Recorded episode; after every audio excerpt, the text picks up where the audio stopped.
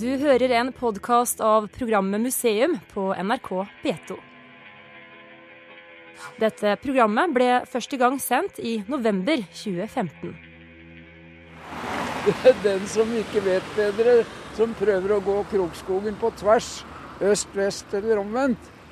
Han har litt av en jobb. Ole Hvitt bærer på en velbrukt grå gammeldags ryggsekk. 89-åringen er sprek for alderen. I museum i dag er han tidsvitne. Vi skal inn til en hytte som ligger fem-seks kilometer inn i skauen. Statsstipendiat Petter Ringen Johannessen er med, og Freddy Vangen har nøkler til bommen vi må passere. Han har vært med på å restaurere hytta. Ole Hvitt er på hjemmebane og lommekjent i området. Hva heter det akkurat her? Det er Humledal. Humledal. Ja, og det er en liten gård som ligger rett der borte. Ja. Dette er jo en veldig kjent vei, den over Solihøgda. Mange som skal på hyttene sine oppover, og Jo da. andre skal til eh, hovedstaden. Men nå skal vi ta herfra og parallelt Nå skal vi inn på skauen. Ja. Du står nå på begynnelsen av Krokskogen, som vi sier da. Jeg har alltid ansett det her for å være et ganske kupert, vanskelig terreng. Jeg har gått fra Solhøyda til gården over skauen og regna sammen. Ni ganger har jeg gått opp og ned igjen. Akkurat. Men jeg gleder meg til å følge etter. Nå kjører vi. Vi kjører jo nå oppover en skogsveien her, inn seks kilometer. Den fantes jo ikke under krigen, den veien her sånn. Den har kommet til i ettertid. Eh, Det ble bygd seks hytter, eller celler da, som det het, her oppe på Krokskogen. Og den ble bygd i ganske ulendt terreng. Det skulle ikke være mulig å finne dem. Det her har vært et slit når de har bygd hyttene. De må bære alt opp, både av materialer, av forsyninger, mat, alt mulig. Langt inn i skogen. Veldig opp- og ned-terreng her sånn. Men, men samtidig eh, vil jeg jo føle at meg, ganske trygg her hvis den først skulle ha noen gjemmesteder.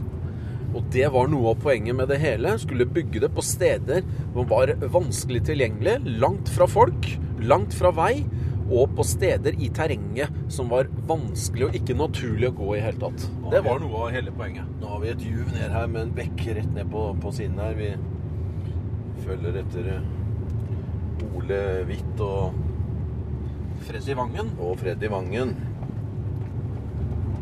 Og kjører vi begynner vel å kjøre rett østover, eh, så vidt jeg kan skjønne. Og, og nå er du virkelig i gutta på skauen-territoriet. Ja, for, for dette er eh, skauen i, i Gutta på skauen. Ja, du vet, eh, begrepet gutta på skauen ble jo født det, nettopp på bakgrunn av de historiene vi nå er eh, på jakt etter. Eh, Fra 2008 har Petter Ringen Johannessen vært statsstipendiat og arbeider med norsk krigshistorie på heltid. Han har besøkt eh, denne hytta tidligere, men det er første gang han treffer Ole Hvitt. Hvitt var i slutten av tenårene da krigen gikk mot slutten, og vi skal snart høre hvilken rolle han spilte i sitt nærområde. Hvitt bor ved Tyrifjorden. Vi ser stadig mer av den ettersom vi kjører opp åssiden. Trangt med forsyninger av mat. Kaldt, bløtt. Eh, og så var det spenningsmomentet, da. Vil den bli oppdaga? Det var razziaer her sånn. Det var også razziaer her på Krokskogen. Eh, spent eh, når tyskerne gikk manngard her sånn. Eh, men det gikk bra. Så det her er gutta på skauen-området. Det er oppover her, ja. Ja, jeg hadde jo nesten en uh, skikkelig slåsskamp med han gubben ved oppvasken nede på gården Ja vel. en dag. Ja. For jeg ville ut på skogen, Ja. og han uh, syntes det var nok at han drev. Nei, det var ikke tale om. Nei, så du fikk ikke lov? Nei, men eh, jeg var jo fullt engasjert der nede, da. For det kan også være noe du Ja, ja hadde du, du hadde oppgaver hjemme Ja, ja, mens faren din var her? ja, ja da. Ja. Alt. Men uh, jeg har bare en mistanke om hvem det var som uh, ba meg komme opp på skogen. Akkurat. Så jeg lå jo her, og mange, uendelig mange år etterpå så fikk jeg vite at jeg hadde vært under krigens stabsordonnans. Ja vel. Ja, 17 år gammel. Akkurat, så Ja. du var her oppe, ja? Ja, så På jeg, eller bare én gang? eller? Jeg hadde egentlig fast tilholdssted på en celle som nå står oppå Neseteren her. Ja, akkurat. Den lå ute i Ja, så du var, du var på skauen, ja rett og slett? Ja. Jeg, eh, akkurat på dette sted? HQ var det eneste cella jeg ikke visste om. Og det var bevisst fra sjefens side. Fordi at uh, vi måtte jo regne med, særlig ordonnansen, uh, måtte regne med å bli tatt. Uh, og Ja, for en ordonnans er jo en slags budbringer. og- Ja, nemlig. Og Så du farta i terrenget her, du, da?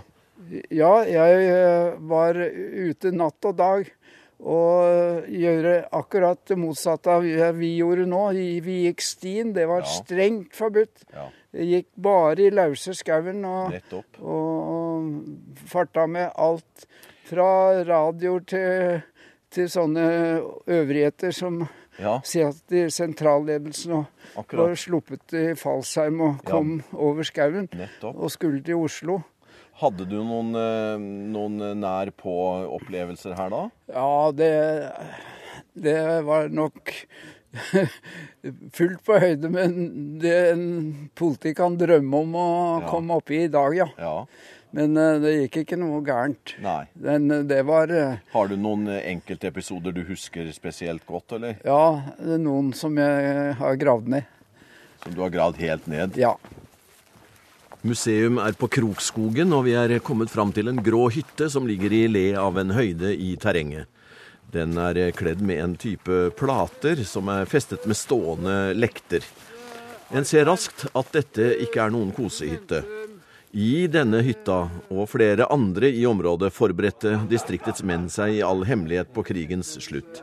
Ingen visste hvordan den ville ende, men de forberedte seg på det verste. I dag ser hytta ut akkurat som den skulle være forlatt i går. Nå er Petter Ingen Johansen og Freddy Vangen Ja. eh, inne. Vi får gå inn, vi òg. ja, men jeg har en eh, skikkelig eh, hodelykt, så bare gå Ja, så inn. flott. Så får vi litt lys. Ja, nå skal vi få lys. Ole, vi tar med ordentlig hodelykt. Se her, du. Velkommen inn i høyst spesielle omgivelser. eh. Verden. Ja, her har tida stått stille. Ja. Og hvis du ser deg rundt omkring her, her eh, oppå bordet ligger det noe spennende. Her ligger det kart. Ja. Og hvis vi ser på karta, så er det kart over Europa. Det er kart over området rundt her. Og det er også tegna inn på kartet her. Og det har sin helt spesielle historie. Ja. De satt jo her Det er tegna med rødt, ser vi. Ja, det er tegna med Skraver- rødt og litt. Ja.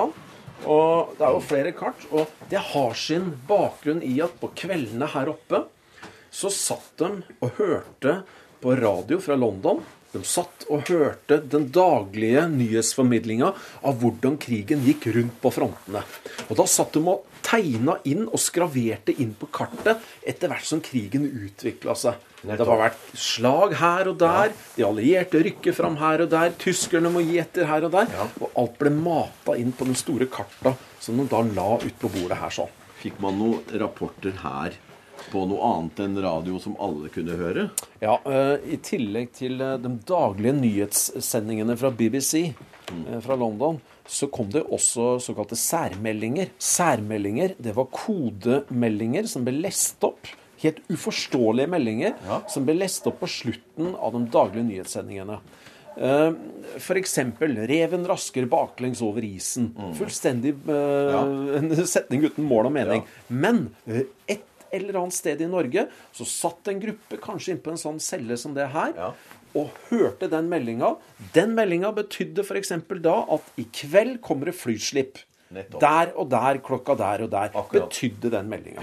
Ja. Det var en effektiv måte å kommunisere på i en tid hvor man ikke hadde annen måte å kommunisere på. Nei. Det var et genialt system som var satt da i, i verk.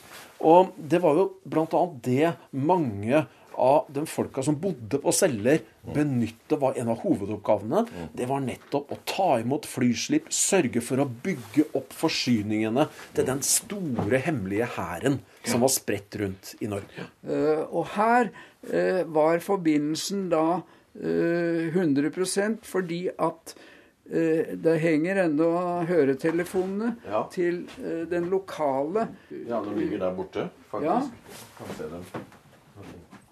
Kanskje ikke flyte på det, men se her, ja. Her er telefoner på nattbordhylla, får vi vel kalle det. Og det var altså da eh, fast eh, mann som ikke hadde annet å gjøre enn å holde forbindelsen med eh, distriktet og eh, Hermansen Hasselknippe Ja. via telegrafi. Akkurat så det var eh, kommunikasjon, eh, altså eh, trådløst trådløst 24 timer i døgnet Ja. var det kontakt. Men det var ikke det kontakt ut herfra til London, f.eks. Nei, Man, man hadde noe som het det indre, eh, indre nettet og det ytre. ja. Det indre, det var kommunikasjon mellom, Mellom, ja, eh, gruppene her. her. ja. Og så hadde man, eh, med, med litt større avstand, eh, radiosendere som hadde direkte kontakt til London. Akkurat. Ja. Jeg ser det er forblendingsgardiner, og så henger det noen flotte er det papirflagg, norske flagg. Ja, det er og, norsk. og vimpler. Ja. Og vi må, vi må nesten beskrive hvordan det ser ut her. Jeg sa i stad at eh, det er faktisk litt hjemmehyggelig, selv om den er primitiv. Jo, men eh, der ser du noe av det elektriske sentralanlegget. Ja. For denne er den eneste av alle, samtlige celler som har innlagt elektrisk lys. Og det var 6 volts bilbatterier Ja som de bar på ryggen fra Humledal og inn her. Men lyset virker ikke nå, eller? Det mangler vel batterier? i hvert fall. Og så er det denne flotte store gjøtelommen med, med, fire, med fire kokeplater. Eh, og, og så henger det kjeler her. Godt Kjøkkenutstyret er jo intakt. Ja, det, det må vi se på. Her er det Se inn her, for eksempel. Her står jo kopper og kar. Kan du lyse inn her, Ole, så vi får se? Se her, ja. Alt fra små dram drammeglass. Det er ikke det er ikke øyeglass, det som står oppi der. Nei. Og så er det kopper og, og kar. Her, her er det posthylle, og her mens vi venter Forholdsordre nummer to fra hjemmefrontens ledelse. Vær på vakt mot provokasjon. Det er krefter blant tyskerne som motarbeider en ordnet kapitulasjon, og derfor ønsker å fremkalle uroligheter. Driv ikke omkring i gatene. Fortsett ditt daglige arbeide. Det er viktigere enn noensinne at det daglige liv går sin gang. Slå ned ryktene. Vær oppmerksom på at meldinger som skriver seg fra telegrambyråer, korrespondenter og lignende kilder, ofte er høyst usikre. Stol bare på offisielle meldinger fra allierte og norske myndigheter. Parolen er verdighet, ro, disiplin. Det, det var jo flott. Det var det. Og når du er inne på det her med, med verdighet og disiplin Jeg vil gjerne utfylle litt av hva Witz fortalte her i stad. Du vet at eh, enhver situasjon, eh, spente situasjon, krever sin mester. Og her på Krokskogen så var man så heldig å ha Stein Evråker eh, som sjef. Arne Evråker med, med dekknavn Stein. Sønnen hans heter Stein i dag, for øvrig. Han var jo Han var en som det er jo ingen som kan forberede seg på en sånn situasjon. Nei. Men han viste seg å være absolutt riktig mann for å få det her til å blomstre. Han var en meget streng leder, men det lyste respekt ut av han. Og han fikk det her til å gå på en glimrende måte uten at man risikerte noe som helst. Det gikk bra med alle involverte. Ja. Og det var ikke gjennomgangsmelodien rundt omkring i landet for øvrig. Så det var en meget dyktig kar. En av dem som blomstra under høyst spesielle forhold. Det er forskjell på ledestjerner, og et av fyrtårnene når det gjelder hjemmestyrkene og virksomheten på skauen under krigen, det var Hermansen. Altså Oskar Hasselknippe. Han var en drivkraft av dem sjeldne, og fikk satt i gang det her. Og D14-2 ble jo et mønsterdistrikt i norsk sammenheng. Hasselknipe ble senere redaktør i det som blir betegnet som hjemmefrontens avis Verdens Gang, som ble starta i 1945. Milorg var på denne tiden en stor organisasjon som forberedte seg på det som ut fra krigens gang måtte komme. I skogene rundt omkring i landet ble det trent for skarpe oppdrag. Cellene på skogen, eh, eller på skauen, ja. det var jo noe som ble en realitet utover i 1944. Da gikk Milorg, eller store deler av Milorg, over på feltfot rundt omkring i landet. Eh, man levde jo i det skjulte. Den hemmelige hæren besto jo av over mellom 30 000 og 40 000 menn. Eh, de hadde jo hvert sitt familieliv og hverdagsliv. Og i tillegg så tilhørte de da Milorg, eller hjemmestyrkene. Ja. Etter hvert så havna man på skogen, i celler, sånn som det her. Ja. Det kom opp flere hundre rundt omkring i landet. Og bare her, i det distriktet her, bodde det da 300 mann på skauen det siste året. Ja. Rundt omkring i landet var det flere tusen som bodde på tilsvarende vis. Det var da Milorgs spydspiss. Det var dem som skulle bli utdanna ekstra i bruk av våpen, og skulle da utdanne kjernetroppene i krigens sluttfase. For hjemmestyrkene det var jo en organisasjon som skulle holdes intakt og forberedt for krigens sluttfase. For ingen visste jo hvordan det ville gå i Norge. Krigen på kontinentet gikk mot sin slutt. Men hvordan ville situasjonen være for Norges del? Det var jo store spørsmålet. Nå gikk det jo bra. Det vet vi jo med fasit i hånd. Det ble jo betingelsesløs kapitulasjon fra tyskernes side og en uhyre disiplinert okkupasjonsmakt avvæpna seg sjøl.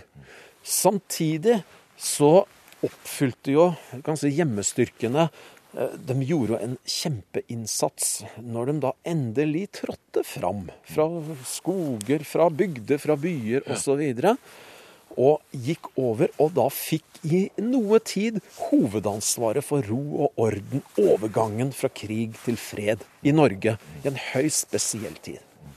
Nå smeller det litt i lufta her, men det er ja, ikke noen ny krig på gang.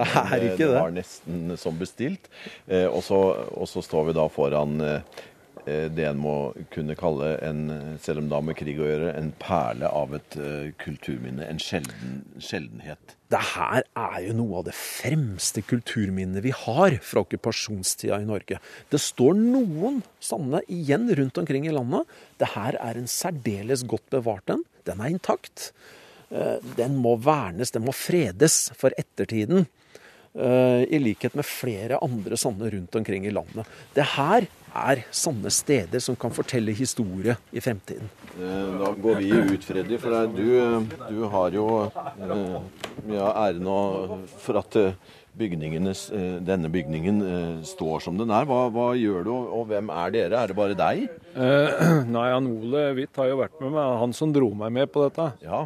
Så jeg blei litt motløs når jeg så det første gangen. Da. For det, det lå halvpar, ja, halvmeter, meter av veggen var borte, så hadde søkket nedi. Nettopp. Så det har vært gjort et stort opprettingsarbeid der, rett og slett? Ja. Så jeg lå under bua her og gravde ut eh, jord og masse med sånn hagaspa.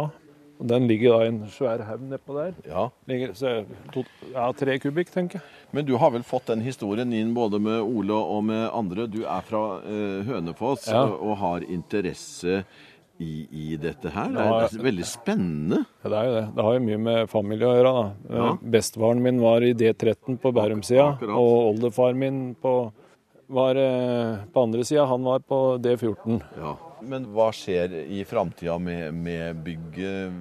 Hva Nei, der... håper du da? Nei, altså det er jo laga en avtale med Hjemmestyrkemuseet, D14-2, som eh, drifter, drifter denne cella. Ja. Men han er liksom i privat eie på en måte. Ja. Men jeg regner med at denne kommer vel til å stå i mange, mange, mange år til. Håper eh, Freddy Vangen, som har oppsyn med hytta. Ole Hvitt er en av de ytterst få gjenlevende tidsvitnene som var på skauen, og som farta opp og ned, fram og tilbake som ordonnans. Han hadde en farlig jobb, og han måtte bære våpen, og han måtte lære hvordan det skulle brukes.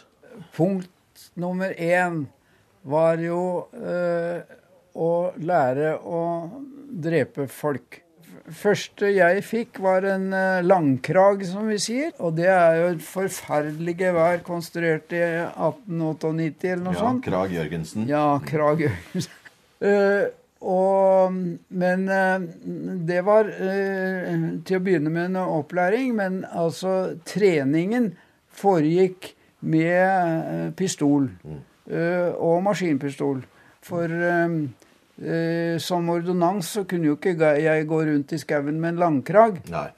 Kort fortalt så mente og følte vi nok berettiget at vi var mye bedre eh, væpnet og utstyrt desangående enn uh, tyskerne. Akkurat. Vi hadde til og med bazooka, som jo fremdeles amerikanerne har stor glede av når de skal knerte tanks. Og så var det neste var det som ble kalt security, ja. altså sikkerheten. Så ble det jo skarpere og skarpere. Og da fikk vi Arne Auråker, som er uh, ovenifra bygda her. Uh, han var 25 år, og han var et eventyr. Vi skadde ingen, mistet ingen, hadde ingen uh, uh, stygge ting som vi ble utsatt for. Annet enn at selvfølgelig, sånn som f.eks.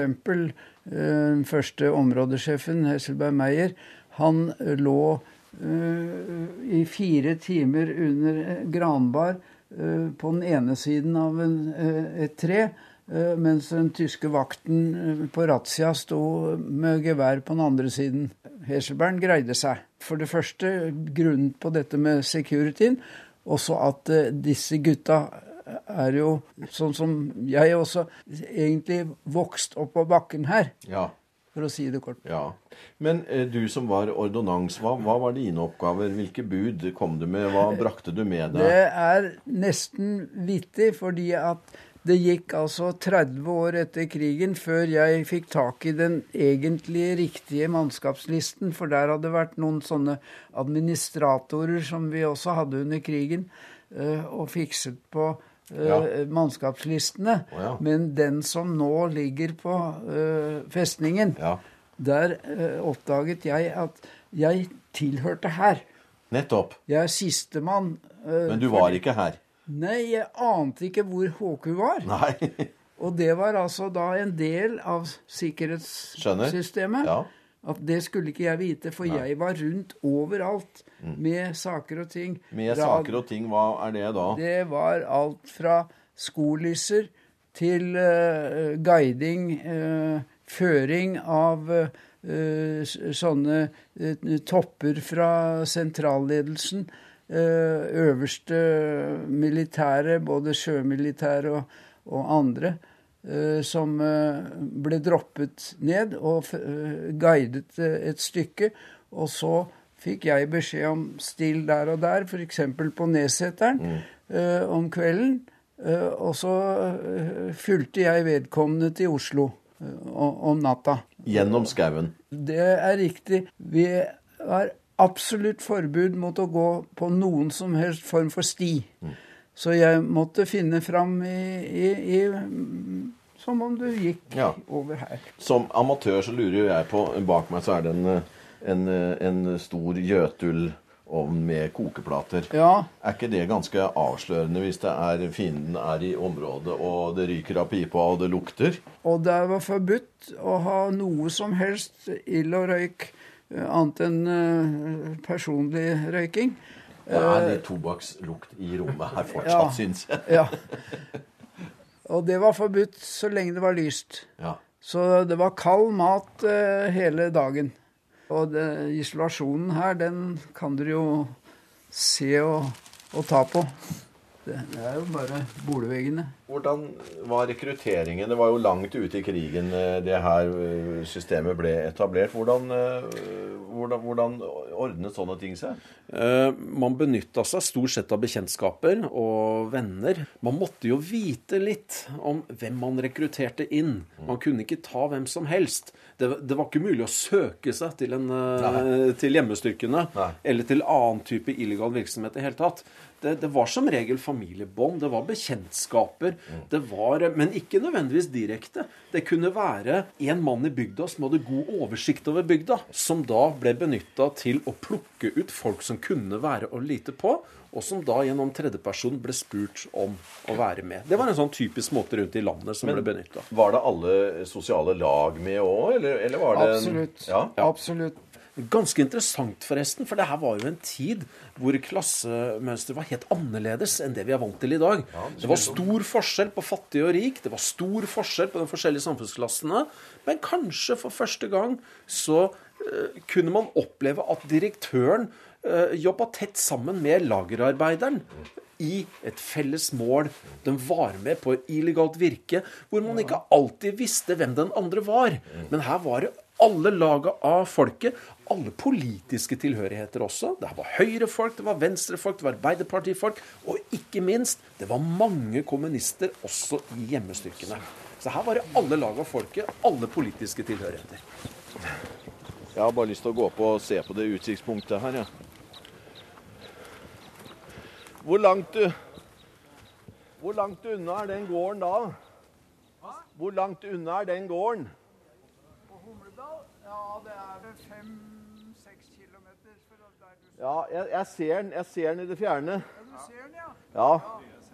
Ca. 5-6 kilometer. Og da er det akkurat der eh, de sånn at gående Du har nå hørt en podkast av programmet Museum fra NRK P2.